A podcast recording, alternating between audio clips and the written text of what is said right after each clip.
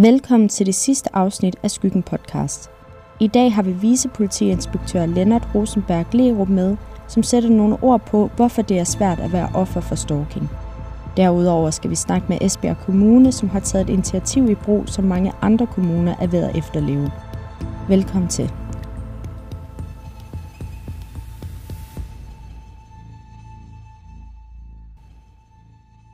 Nu har stalking fået sin egen paragraf. Har det så gjort det nemmere at få folk dømt for stalking?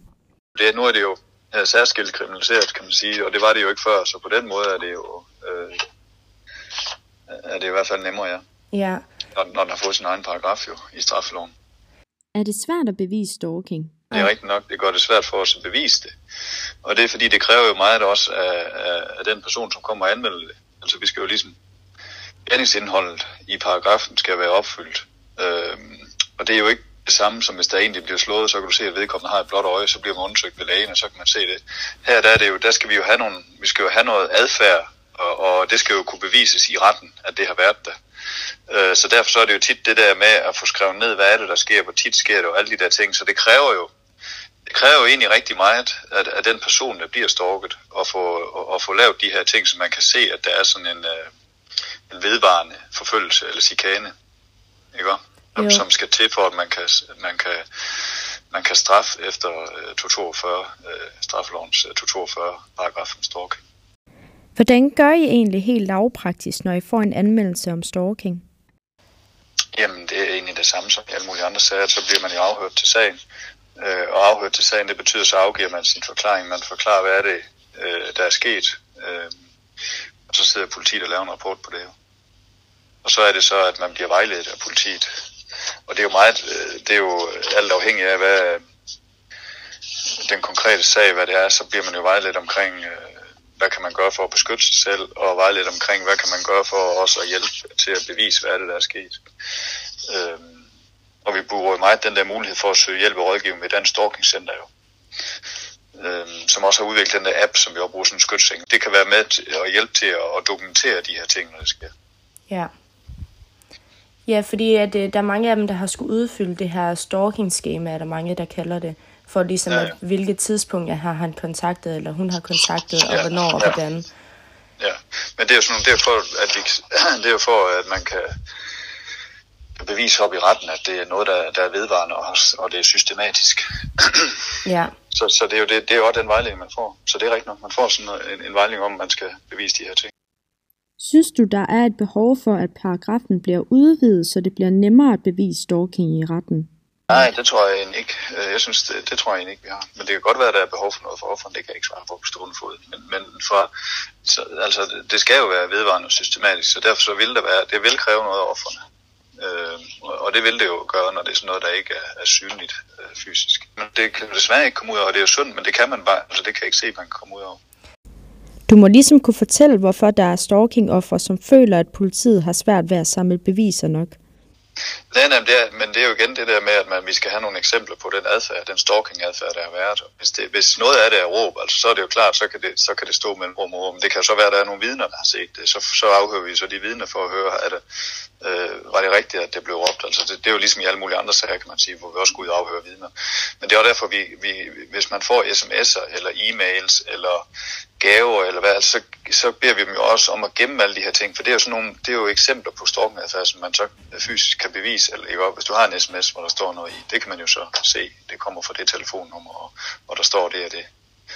Øh, så det er jo alle de der ting, de også bliver vejledt om.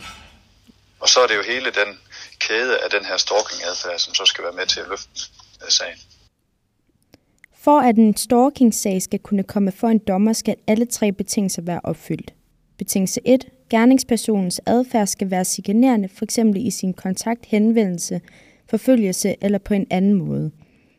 Betingelse 2. Adfærden skal være egnet til at krænke offerets fred ved f.eks. at være utryghedsskabende, ubehagelig eller forstyrrende. Betingelse 3. Adfærden rettet mod offer skal være systematisk og vedvarende. Det indebærer, at der skal være tale om, at gerningspersonen har foretaget flere chikanerende handlinger over en periode, som både kan være kort eller lange. Selvom alle betingelser ikke er opfyldt, så er den gældende sag ikke mindre legitim. Den kan blot ikke føres for en dommer. Og tak til dig, Lennart.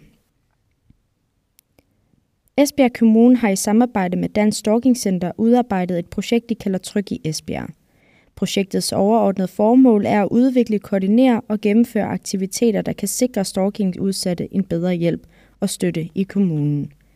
Det er vi selvfølgelig nysgerrige på, derfor har vi snakket med Lise Viller, som er direktør for borger- og arbejdsmarked i Esbjerg Kommune.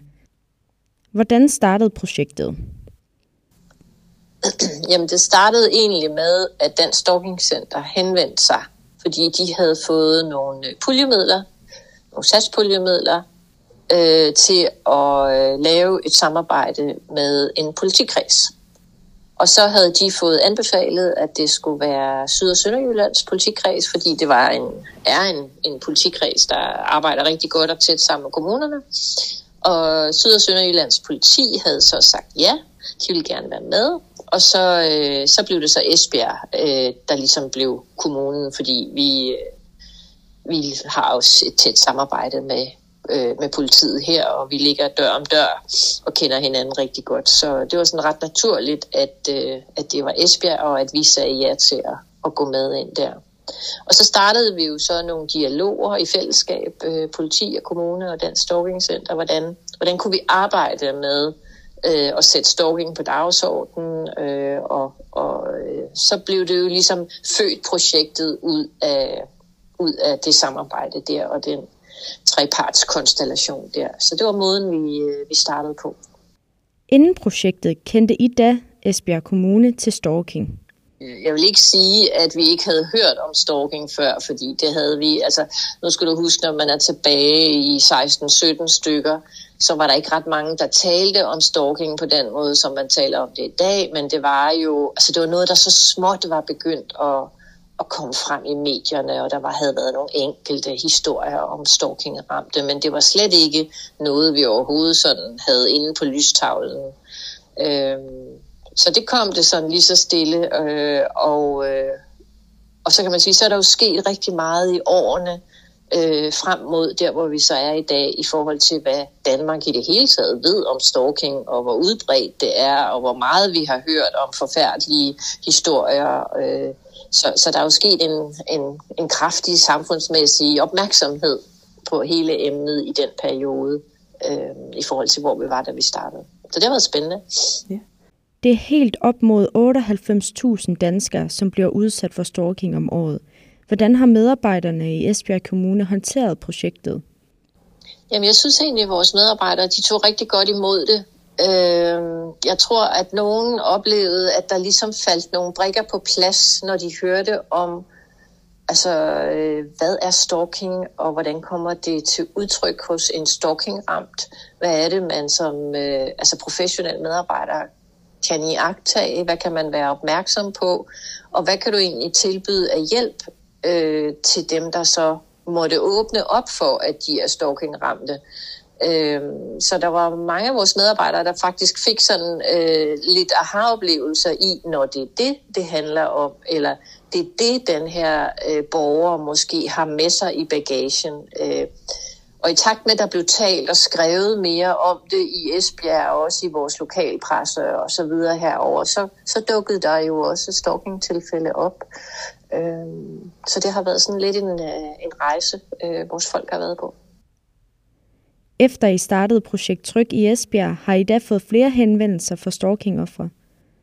Ja, altså vi havde jo, øh, altså for eksempel sådan helt lavpraktisk, så havde jeg et antal kvinder, øh, der ringede til mig, øh, fordi de havde øh, hørt, hvad jeg havde fortalt, for eksempel i radioen eller set i avisen, og sagde, ej, hvor er det dejligt, at Esbjerg er en kommune, der går med ind i de her projekt. De var selv stalkingramte, og de synes, det var en befrielse, at der var en kommune, der havde lyst til at arbejde med det her. Så det var jo sådan en dejlig oplevelse, at der faktisk var nogen, der vendte tilbage og sagde, ej, det er godt, at I, I er med her. Og, og vores medarbejdere ude omkring oplevede jo også, at der pludselig kom nogle henvendelser, og der kom nogen, der åbnede op og fortalte om de stalkingramte.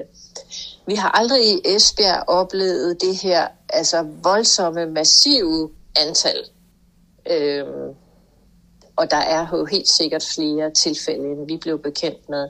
Men, men lige så stille, så kom der hver måned måske en, to øh, borgere, der ligesom lukkede op for posen og sagde, at, at de var fanget ind i de her problemer. Hvorfor tror du, der har været behov for sådan et projekt? Jamen, jeg tror bare det, at, øh, at involvere sig i et projekt, og det giver mening. Altså, det giver jo mening for folk, og det har også givet mening i den her proces, som der er sket, kan man sige, i samfundet, nemlig at øh, alle har i dag mere viden om stalking, end man havde for 5-7 år siden det gør jo også noget for forståelsen af, hvorfor tog vi fat på det her. Så, så det har sådan, altså, man kan sige, at det ene positive har afløst det andet, og det, det bestyrker jo bare, at det er godt at være med i sådan et projekt, også i en tidlig opstartsfase. Hvis det har været sådan et godt projekt, hvorfor er der så ikke flere kommuner, som der har fulgt trop? Altså, jeg tror, du bare skal tænke det sådan, at kommuner bliver overdynget med henvendelser om, alle mulige spændende projekter, man kan være med i på rigtig mange detaljerede målgrupper. Så hvad man vælger at involvere sig i som kommune, det er nok lidt forskelligt. Altså, øh, og at øh, der er jo mange, mange målgrupper, øh, hvor stalking-ramte er en målgruppe, jamen så kan det være nogle andre i morgen eller i overmorgen. Øh, og vi har ikke ressourcer til at gå med i alting. Øh, så der er jo selvfølgelig også en vis selektering blandt kommuner. Det er der også her i Esbjerg. Nu sagde vi bare ja til det her, men i morgen siger vi måske nej til noget andet. Øh, så det er nok bare sådan, at det er i, i den her dagligdag, vi er en del af. Hvorfor sagde I egentlig ja til det her projekt? Jamen, vi synes, det gav mening, og det gav især mening, fordi at øh, det var bygget op om et godt samarbejde med vores lokale politi, øh, som vi rigtig gerne vil samarbejde med og som vi er glade for at have tætte relationer til. Og man kan sige, når politiet går med i det her lokalt og, og dedikerede sig til det, så vil det også være meget mærkeligt, hvis vi som kommune ikke gjorde det. Øh, så, øh, så jeg vil sige, at hvis vores politikreds ikke havde haft lyst til at være med, så var vi nok heller ikke gået med. Fordi det er en, øh, en vigtig aktør i at, at gøre noget ved stalking. Altså vi kan gøre én ting som kommune i forhold til at at, møde borgeren med en stalking-viden og tilbyde den hjælp og støtte, vi nu kan som kommune, men politiet er jo den allervigtigste aktør omkring stalking, så, øh, så at en politikreds siger ja til at være med, det er helt afgørende for, at man kan arbejde målrettet med stalking. Og det gjorde vores, og det var derfor, vi også gik med. Stalking er psykisk vold. Man taler om, at der er fem stalking-typer, så hvis du er nysgerrig på, hvad de fem typer er, så kan du gå ind på vores Instagram – skyggen underscore podcast og læse meget mere fakta om stalking. Hvis du selv bliver udsat for stalking, så kontakt Dansk Stalking Center på 25 17 73 74 og til politiet på 114. Det var sidste afsnit af Skyggen podcast. Intentionen med podcasten var at udbrede kendskab til stalking, dets konsekvenser, og at fremtiden for stalking forhåbentlig er nemmere at håndtere. Vi vil gerne sige tak for de stærke kvinder, der har stået frem med deres historier. Tak til Lennart Glerup fra Østjyllands Politi for at være behjælpelig, og tak til Lise Viller fra Esbjerg Kommune for at vise, at kommuner kan være behjælpelige i sådanne sager. Tak til lytterne. Vi håber, at I har fået noget ud af det. På gensyn. Hilsen, Karoline Hyldig, Emma E. og Josefine Møller.